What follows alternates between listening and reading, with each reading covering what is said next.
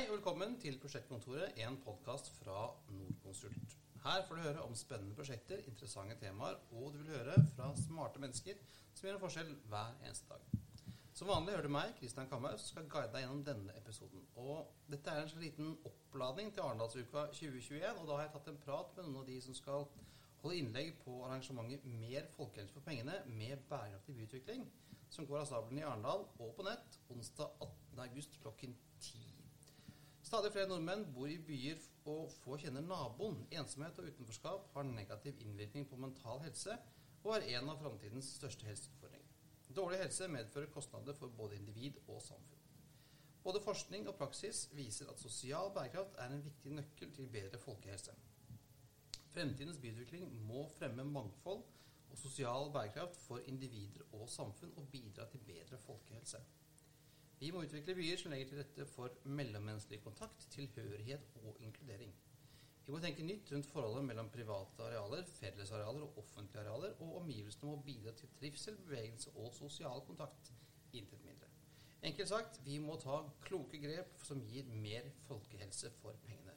Men hvordan gjør vi da dette i praksis? Hvordan skal vi samarbeide for å lykkes? Vi har invitert eiendomsbransjen, byutviklere, akademia og psykologer til samtale om dette temaet nå på onsdag i Arendal.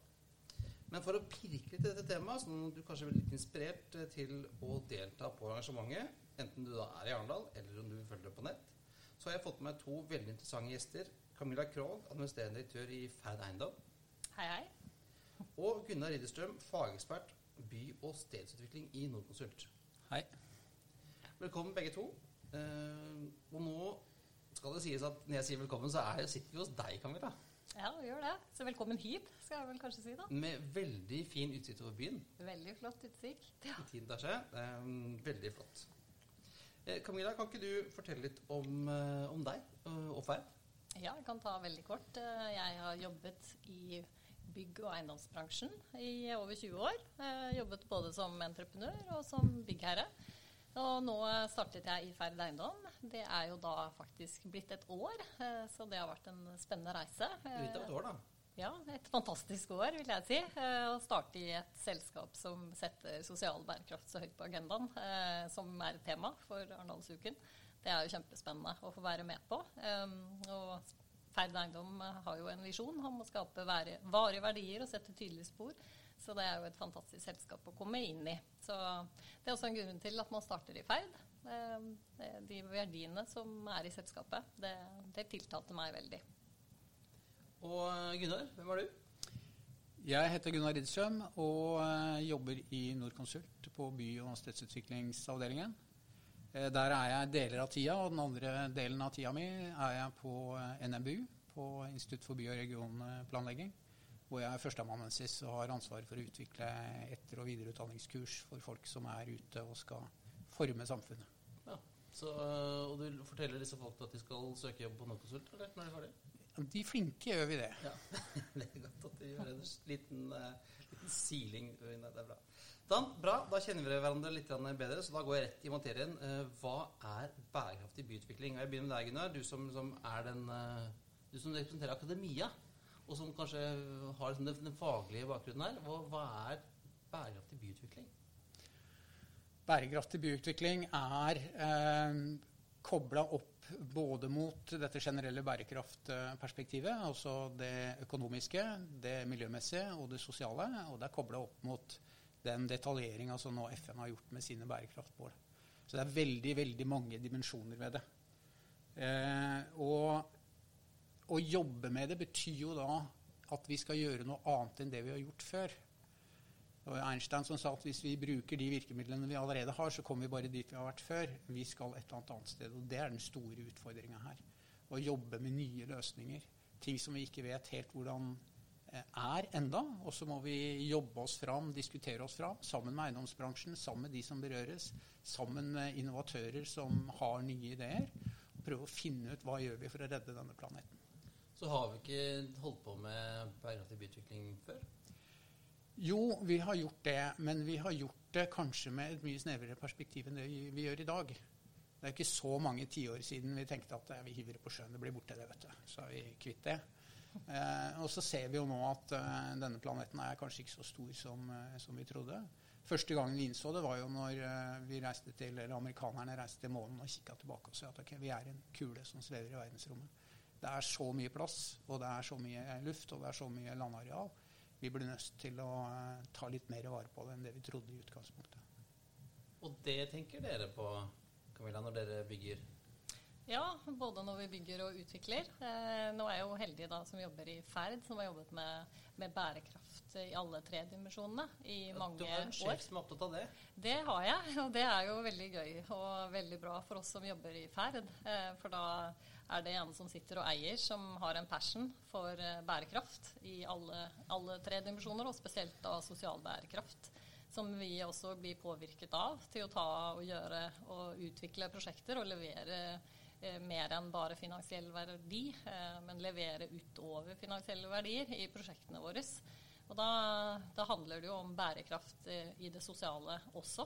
Eh, å skape gode, gode prosjekter eh, som leverer noe mer enn bare en eiendom, men eh, gir tilbake til byen. Altså, og, ta, og, også løse samfunnsutfordringer på en god måte.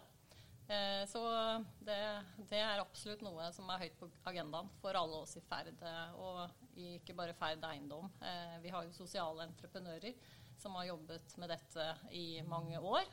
Og vi har også Impact Investment, som også leverer på bærekraft. Og også Capital, som også jobber med bærekraft i ulike dimensjoner. Så mm, for Ferd så har bærekraft vært et område man har jobbet med i mange, mange år.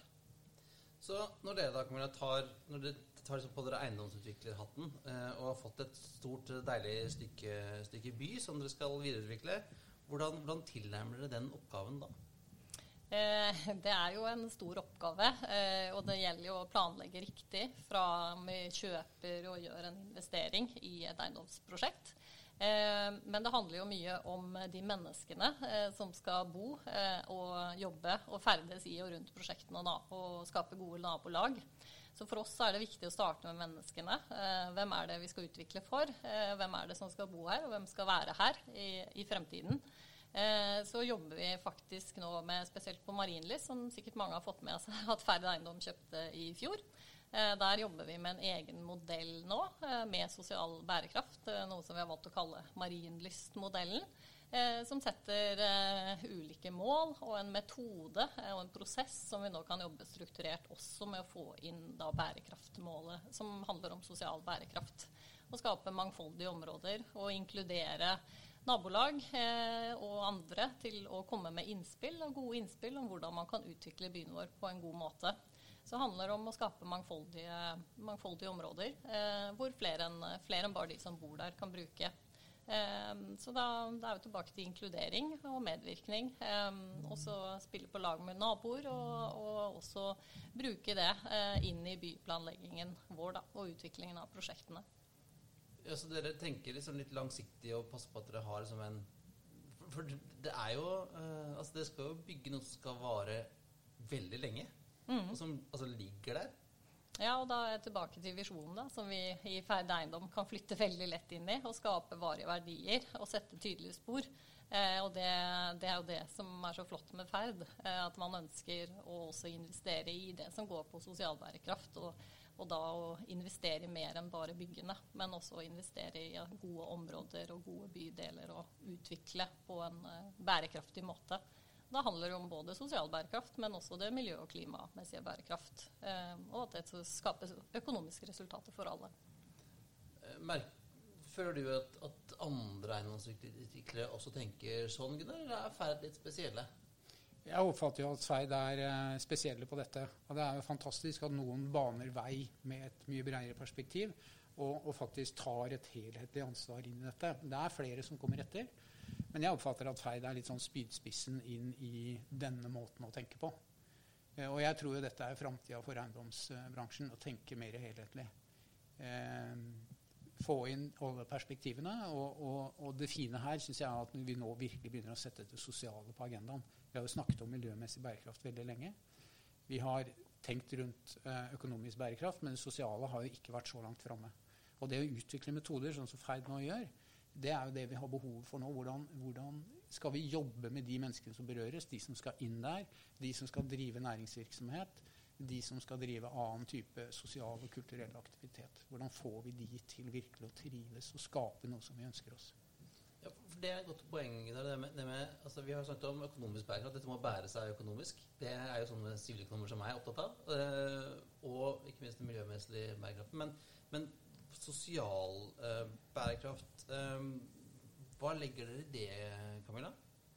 Sosial bærekraft det handler jo mer enn bare å skape eh, bærekraftige byutviklingsprosjekter for ferd eiendom. Eh, I og med at vi også jobber med både færre sosiale entreprenører og impact og capital, og har et godt og bredt samarbeid på tvers, så er sosial bærekraft eh, det å levere på noe mer enn det finansielle. Eh, og det å sette det i system. Eh, og det er jo det vi da prøver å gjøre nå. Eh, og, de andre eh, forretningsområdene har jobbet, jobbet, med dette her i lang tid.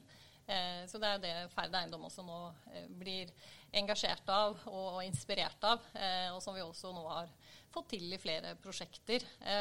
så sosial bærekraft er mer enn, mer enn bare inkludering. Eh, men eh, å gå fra handling til faktisk, Nei, gå fra bare å snakke om det til å faktisk eh, gjøre gode grep. Og da kan jeg jo nevne noen eksempler. Vi har jo bl.a.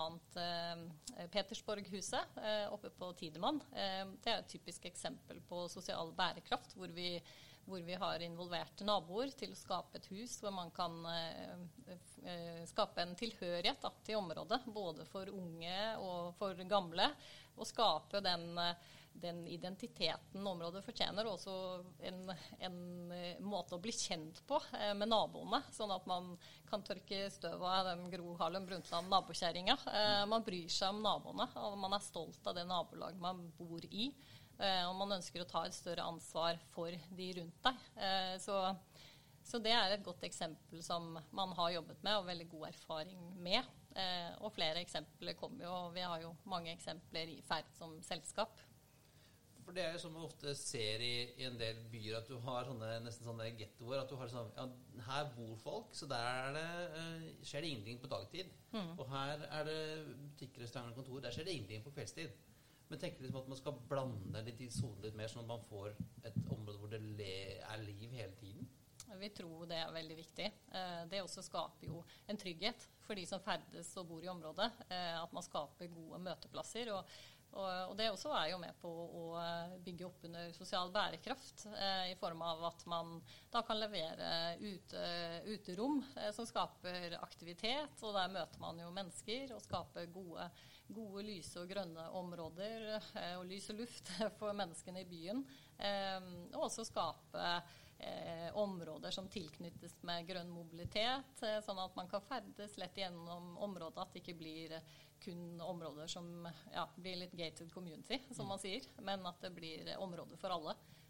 og hvor man kan treffes og og at det er naturlig å sette seg ned og bruke området til rekreasjon og, og bare kvalitetstid for alle. Eh, og det tror jeg er viktig når man utvikler området, å tenke området eh, og ikke bare byggene, men se dette her i en større kontekst. Eh, og det, det, er viktig å tenke langsiktig hele veien når man som utvikler har store muligheter til å kunne påvirke tidlig og sette premissene og sette krav eh, til også samarbeidspartnere og utfordre kanskje offentlig og også til å være med på, på det og bidra til en bærekraftig byutvikling. For her tar de jo ganske stort ansvar jeg sier, Gunnar, til liksom å si at eh, vi skal gjøre noe mer enn å bare bygge hus vi skal selge og, og, tjene penger på. Ja, de gjør det. Og det er jo det som skal til hvis vi skal redde verden. At vi ikke tenker i bare én dimensjon. Tenker bare på det økonomiske eller bare på det miljømessige eller bare på det sosiale. Eh, og så er det et behov, sånn som Ferd gjør, på å utvikle ny metodikk og nye perspektiver. For nå er vi jo så forskjellige som befolkning. Både i alder og sosial bakgrunn og kulturell bakgrunn. Folk kommer flyttende til Norge. Eh, vi har ulike interesser. Så det er mye vanskeligere i dag å finne ut hva kan vi gjøre for å skape kontakt mellom mennesker enn det var tidligere hvor, vi var mye likere. Og hvor vi egentlig utvikla mange av de planleggingsprinsippene vi nå prøver å reparere litt på, for å si det sånn. Uh, og jeg, jeg, oppfatter jo at det Ferd gjør, sånn fra akademias perspektiv, så snakker vi om sosial kapital. Og det er befolkningens evne til å fremme sine egne interesser og gjennomføre sine egne prosjekter. Og da er det tre dimensjoner som jeg oppfatter at dere er veldig bevisste på. Det ene er jo kontakt innad i grupper, mer homogene grupper. Så er det kontakt mellom grupper. De som bor der, de som jobber der, de som bruker området. Og så er den tredje faktoren, som jeg tror er veldig viktig, og det er kontakt oppover til de som er beslutningstagere. Og Feil er jo en beslutningstaker. Det er derfor vi når vi holder medvirkningsprosesser, sier at du må være med noen politikere. De skal vedta planen etterpå. Det er viktig at de er der, at du kan prate med dem ved kaffemaskinen. Da er det lettere å ta kontakt med dem etterpå.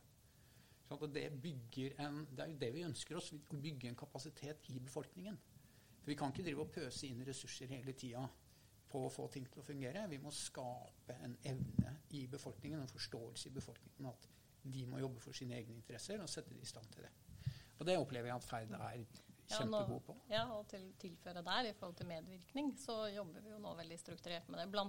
på Marinlyst, med denne Marinlystmodellen som vi er ferdig med å, å, utvikle, og som begynner å ta form. Eh, så, så, handler det om den inkluderingen av alle. da, eh, At man prøver også å få med seg de unge, eh, ungdom. Der har vi jo en, et eget samarbeid med Interbridge, bl.a., som er en spin-opp ut fra Ferd sosiale entreprenører, som hensyntar de, den målgruppen med ungdom som kanskje er vanskelig å nå når du nå da når du sender ut spørreskjemaer eller ønsker å involvere, så er ikke de de som først svarer, men, men, at vi også får innspill derfra. Sånn at vi får med oss ungdommen også i, i å skape de gode, gode bymiljøene. Da, eh, I tillegg til kanskje de som alltid svarer.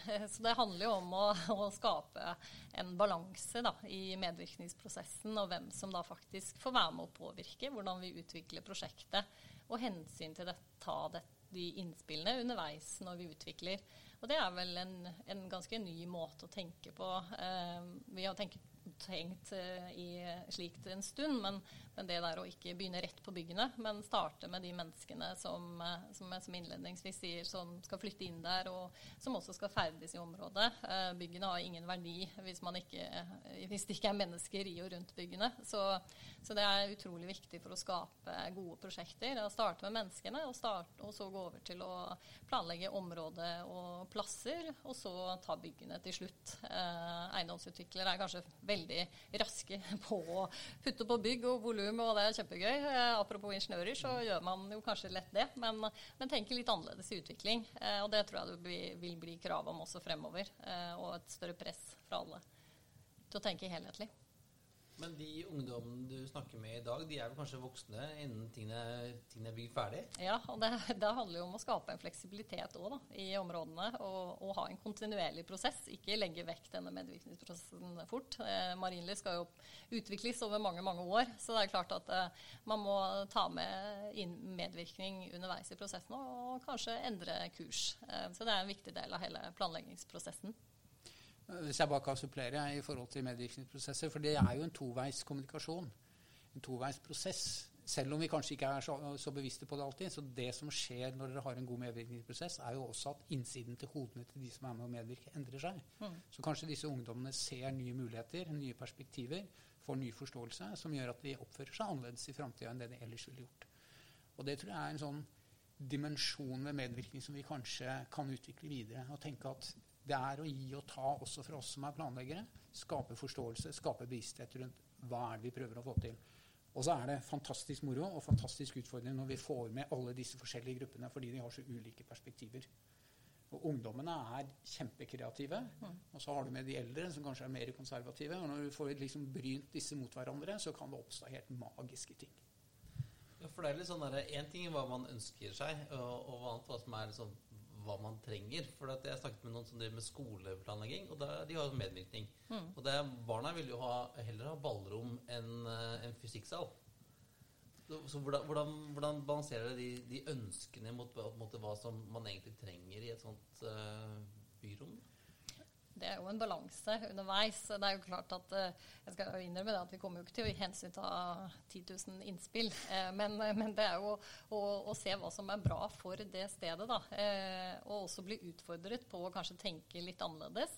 Eh, jeg ser jo på enkelte prosjekter hvor man tenker store uteplasser, at noen utviklingsprosjekter tidligere. Eh, og så blir det kanskje ikke de koselige små møteplassene som man egentlig ønsker seg. Eh, man, man dimensjonerer for en hel drøss med mennesker, men så ser man på plassen og går, og så ser man at alle har trøkket seg sammen der hvor det er sol, i et hjørne.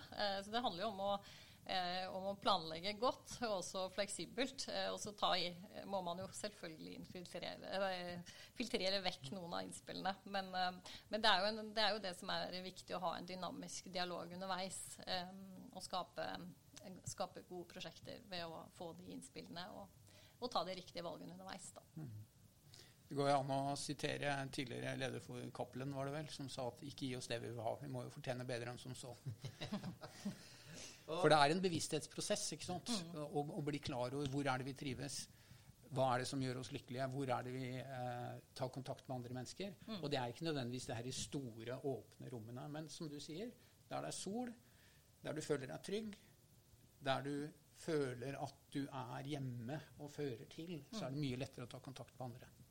Og Det er der man også skaper eh, nye bekjentskaper, og kanskje gamle snakker med unge, og vice versa. Og man får nye venner. Og Det er jo det det handler om, å, å skape magiske øyeblikk i prosjektene sine også framover. Mm. Det sies jo at Oslo er en, en veldig delt by. Eh, hvordan tenker dere på liksom det å, å Du snakket om homogene, men hvordan får man liksom en andre gruppe sammen i et område? Oslo er jo ikke akkurat kjent for å være det billigste stedet å bo i byen heller. Mm. Nei, og det må man jo være ærlig på, for det, der har jo ikke alle råd til å kjøpe leilighet. Men da handler det om hva, hva kan vi gjøre for at i hvert fall alle kan bruke området slik det er i dag. At ikke dette bare blir et område som Eh, de som har råd til å kjøpe leilighet, eh, får lov å være og utnytte. Eh, for det er et fantastisk område. Så hvordan kan man da skape gode områder for alle i områdene rundt? Og da gjelder det også å skape gode forbindelseslinjer og møteplasser som ikke bare blir for de som bor der, men for både de som bor og jobber og ferdes i området.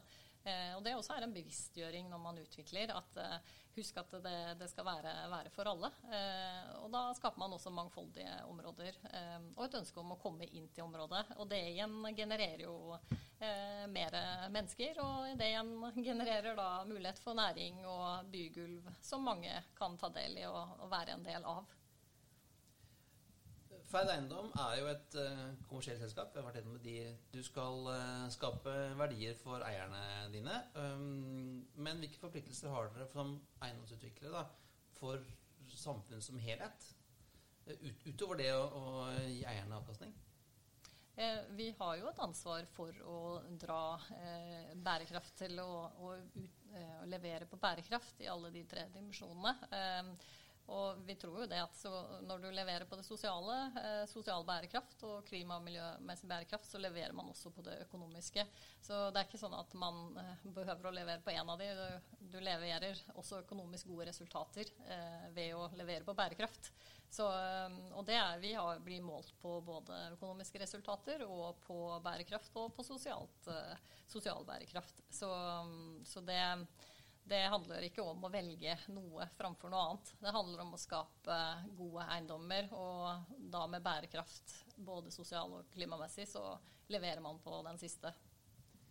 Er det da en fordel for deg å ha en, en såpass langsiktig eier eh, som ikke tenker på neste kvartalsresultat, når du har den typen eh, krav på deg?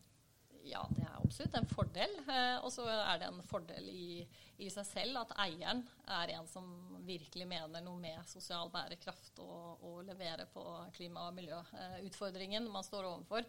Eh, det smitter jo over på oss eh, av ledere i ferd. Så da ønsker man jo også å levere på det. Eh, og dette syns vi også er gøy og spennende å jobbe med og utvikle bransjen videre. Og som en byggherre eh, og som en stor og Eh, eiendomsbesitter og også en utvikler i eh, Oslo, så ønsker jo vi også å skape, skape rom eh, og skape muligheter for, for, at vi kan utvikle bransjen, og også oss selv. Så vi leverer både på det økonomiske, og det som er gøy da, er at man også leverer og kan levere på det sosiale og det klima- og miljømessige. Og Tittelen på på debatten da, på Arendalsuka 18.8, den er jo som jeg sa, mer folkehelse for pengene, mer bærekraftig byutvikling. Nå har vi snakket litt om det siste, bærekraftig byutvikling. Men, men, hvor kommer folkehelsen inn? Hva har byutvikling å si for den? Og hva er egentlig folkehelse, Gunnar? Jeg ser på deg. Du ser på meg, ja? Ja. ja. Eh, sånn formelt sett så er folkehelsa helsas fordeling i befolkningen. Eh, og vi vet at det er en gradient i forhold til utdannelse bl.a., inntekt og en del andre ting. Og det er et mål for regjeringa at det skal bli jevnere. Men når vi som akademikere, for å snakke fra det perspektivet, skal prøve å analysere helsa, så pleier vi å, å, å, dele det opp i tre dimensjoner, selv om vi ikke kan dele opp helsa på den måten. Vi snakker om det fysiske. Vi snakker om det psykiske. Det, og det har vi snakket om mye siste. Ja. Og så er det det sosiale. Jeg pleier å snakke om den sosiale helsa, altså det at vi har venner. Og det er gjort forskning som sier noe om forholdet mellom å røyke og forholdet mellom ikke ha venner. Og da er det eh, nesten like risikofullt i forhold til når du måler eh, livslengde og sånne ting. Selv om det er litt ulike resultater etter hvordan man eh, forsker. Det som er viktig å si også, er at folkehelseloven sier at vi har ansvaret for helse og trivsel. Og helse kan vi til en viss grad måle. Trivsel er mye, mye verre. Det som gjør at jeg trives, er noe annet enn det som gjør at du trives. Eh, og da blir dette med medvirkningsprosessen viktig, det å bevisstgjøre seg på hva er egentlig kriteriene her for å trives. Og vi lever jo i et land hvor vi har veldig, veldig god helse. Selv om mange har problemer, så som befolkning så er vi veldig, veldig sunne. Det betyr at trivselen kanskje er en av de viktigste faktorene som gjør at vi føler at vi har god helse og ikke. For du kan ha eh, sykdom, og du kan være funksjonshemma likevel oppleve at du har kjempegod helse. Så det er en sånn dimensjon ved det. Og, og trivsel, altså hvordan du har det rundt deg, det påvirker, påvirker det? Oh yes. Alt fra utforming, som ble sagt her, hvordan er rutterommene, hvilke farger er det som brukes, hvordan er lyden i det, begynner å bli et tema innenfor eh, forskning og byutvikling. Hva slags lydbilde er det? Alle disse tingene påvirker oss mer eller mindre bevisst. Eh, vegetasjon vet vi fra forskninga, det kan vi eh, vise, det har en kjempestor betydning for oss. Så grønne lunger er viktig? Grønne lunger er veldig viktig. Bare det å se på vegetasjon gir en helseeffekt. Hvis jeg føler meg litt uh, slapp, så kan jeg sette meg og se på et tre. Da kan du sette deg og se på et tre. Enda bedre, gå ut på naturlig terreng eller ut i skogen. Da slapper uh, hodet ditt av på en helt annen måte enn hvis du ser på TV eller går ut i et byrom. Og, og det ligger dere til vekt når dere bygger, bygger, ting? Ja, eh, det er jo en del av utviklingsfasen å legge til rette og planlegge eh, for, for, gode, bærekraftige områder. Eh, så vi vi jobber jo alt med alt fra mobilitet, at det skal også være enkelt å kunne gå og sykle og, og gjøre sunne, sunne, bevegelser og bevegelsesmønstre. Uh, og så er det jo sånn at man oppholder seg mye innendørs, og vi ønsker jo å få folk ut. Og det forplikter jo for oss som en eiendomsutvikler å da skape gode rom ute med lys og luft og grønt og trær. Eh, så du bør jo absolutt kjøpe på Marienlyst bl.a., for der blir det veldig mange trær og stort grønt område. Og så ønsker vi å legge til rette for god aktivitet utendørs. Eh, og det er også igjen Der møter man jo nabolaget sitt og mennesker på kryss og tvers av aldre. Eh, og ulike aktiviteter. At det er rom for å drive aktivitet. Det også fremmer jo mental helse. Og så er jo også mental helse det at man eh, skaper gode, fine og vakre omgivelser rundt seg. Eh, så det er jo også en del av et ansvar vi som eiendomsutvikler har. Eh, og det er også forebyggende. Så det er mange, mange parametere å, å, vurdere og tenke gjennom når man utvikler et prosjekt. Så da er det jo også ekstra viktig å jobbe, jobbe sammen med gode, gode samarbeidspartnere som, som, sammen kan skape noe eh, mer enn bare et bygg og en uteplass, men tenke, tenke ja, flere dimensjoner. Ja, du vet du om det er noen forskjell på hvordan man tenker på dette i, i Norge eller Skandinavia og resten av verden? For vi er jo altså, de må jo si det, vi, Norge er jo et land som er lagd for å være inne. Ja, bortsett fra at vi har veldig mye bra klær i Norge som gjør at vi takler det meste. Eh, andre, altså, jeg kjenner Tyskland relativt godt. Der har de jobbet bevisst fra staten sin side med, med, sosiale prosjekter i byer i godt over ti år. De hadde et stort statlig program som gikk nettopp på det å jobbe med det sosiale knytta opp mot byutvikling. Eh, Sverige og Danmark har også det som nå, vi nå i Norge kaller områdeløft. Eller i Oslo kaller de områdeløft. Det er litt ulike begreper som brukes. Men det er jo nettopp å gå inn Og Det er et sånn paradoks for meg som arkitekt og planlegger at det dreier seg om å gå inn og reparere på det vi trodde var de gode omgivelsene for 30-40-50-60 år siden. Og det er en kjempeoppgave for planleggerne i dag. Hvordan går vi inn i de områdene og forbedrer de? Ja, ja for, for, det er jo ikke alltid man får den luksusen, Camilla, å få en, et, et, godt uh, stykke by som du bare kan gjøre alt nytt på. Nei, eh, det, det, hører vel til sjeldenhetene, eh, sånn sett. Eh, men, men jo, man ønsker jo å skape noe bedre enn det som var der. Da.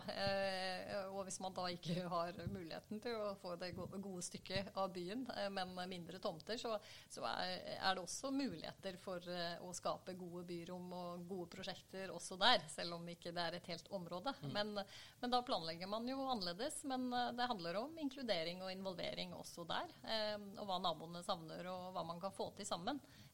Så det behøver ikke å kun være i store byutviklingsprosjekter at man tenker sosial, og, sosial bærekraft.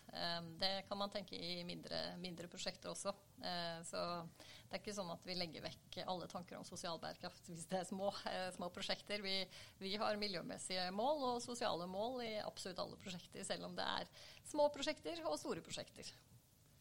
Og hva, hva sier forskningen, Gunnar? Ut fra forskningen så, så, kan vi si det er, det er, tre perspektiver på det å gå inn hvis du snakker om enkeltprosjekter. Det ene er jo det reparasjonsperspektivet. Er det noe vi kan gjøre her som, for å forbedre situasjonen? Og så er det det forebyggende. Og vi har jo veldig strenge regler i Norge knytta til vannforsyning, avløp, støy osv. Og, så og det, er, det har sin bakgrunn i helse, historisk sett. Det skulle beskytte oss mot de faktorene som skader oss. Og det er en viktig dimensjon ved folkehelsearbeidet. Trafikksikkerhet, Vann er vårt viktigste næringsmiddel. Det må være reint, hvis ikke blir vi sjuke. Og så er den tredje dimensjonen, som, som, du har snakket mye om, det er dette, hva kan vi gjøre for å bidra til at vi forbedrer helsa vår? At vi er mer fysisk aktive, at vi har flere sosiale kontakter, at vi trives i de omgivelsene, at vi føler tilhørighet til de stedene vi bor. Så det er tre dimensjoner som forskninga er uh, opptatt av nå. Og Da må jeg nesten stille deg det spørsmålet som jeg tok innledningsvis. Det, hvordan får vi mer folkehelse for pengene? Da tenker jeg, jeg er folkehelse, så ser jeg på pengene på Jeg tror jo at uh, dette må bli et samarbeid både mellom eiendomsutviklerne, uh, mellom oss som rådgivere og det offentlige, og interesseorganisasjoner og befolkning. Hvor vi jobber sammen om å utvikle nye løsninger. Hvor vi jobber ja, forskningsbasert. Faget mitt er jo delvis basert på erfaring, og det var en kunstdimensjon, og er fortsatt en kunstdimensjon i det. Så opplever vi at stadig flere oppdragsgivere er opptatt av kan vi belegge dette forskningsmessig. Vet vi noe om sammenhengene? Men At vi begynner å liksom, forene det kunstneriske med det forskningsbaserte. Og da er det det samarbeidet, det å utfordre hverandre. Og det er der det er så fantastisk med Ferd, som går foran og viser vei i forhold til hvordan man kan tenke rundt dette uten å forsake det økonomiske perspektivet eller det miljømessige perspektivet. Der ligger det en sånn nøkkel, tror jeg, til det å forbedre oss. Stadig konkurrere med hverandre om å bli bedre, komme opp med de smarte ideene, de gode løsningene. Den nye kunnskapen, og dele kunnskapen. Og når må man gjøre det? Altså I et sånt prosjekt? Det må man gjøre veldig veldig tidlig. vi starter egentlig allerede ved investeringene vi, eh, og tenker bærekraft. Eh, og så er det jo viktig at man setter noen felles mål. Eh, og vi som byggherre vi må være tydelige og en god bestiller og utfordre de vi har med oss, og la oss bli utfordret på en god måte.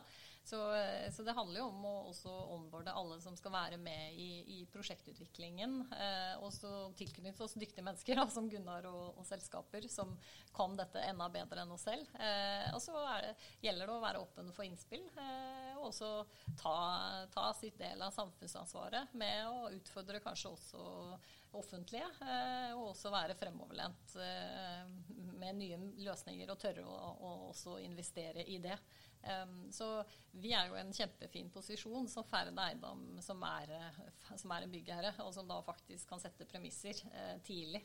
Uh, før man egentlig begynner å tegne. Uh, så, så, det er hel en heldig situasjon å være i. Og da forplikter det også som en ansvarlig, ansvarlig eiendomsutvikler å utfordre bransjen til å bli enda bedre.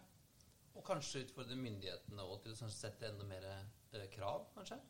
Ja, absolutt. For eh, det handler jo om et godt samspill også med myndighetene. Eh, for vi klarer jo ikke å få til noe alene med våre. Eh, så de også må bli utfordret. Og så handler det om at de også må bli fremme i skoene. Det er jo veldig mange dyktige der òg.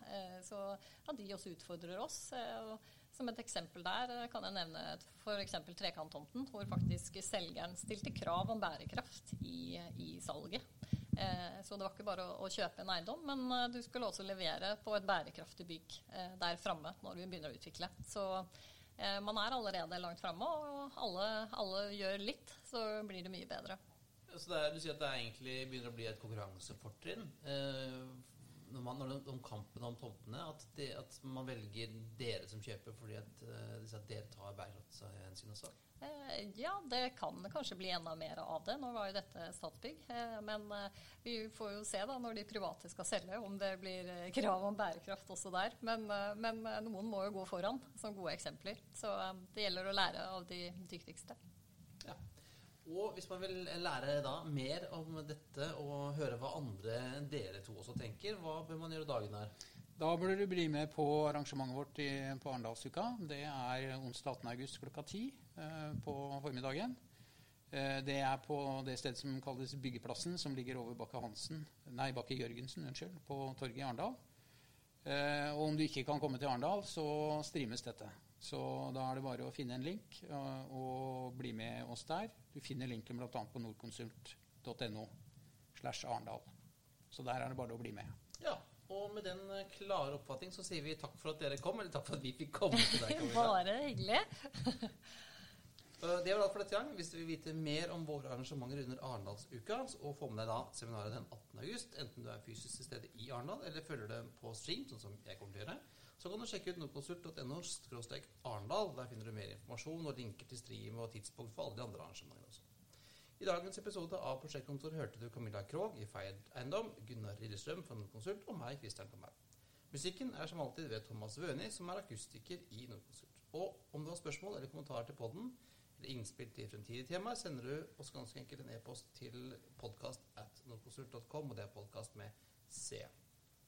Ikke glem å abonnere på Prosjektkontoret i iTunes eller din foretrukne podkastspiller, så får du alltid den nyeste episoden rett inn i spilleren. Og om du liker det du hører, så er det veldig hyggelig om du gir en liten uh, anbefaling i iTunes eller noen stjerner, og det setter vi veldig pris på. Pluss at det gjør at flere oppdager prosjektkontoret. Takk for denne gang, og vi høres plutselig igjen.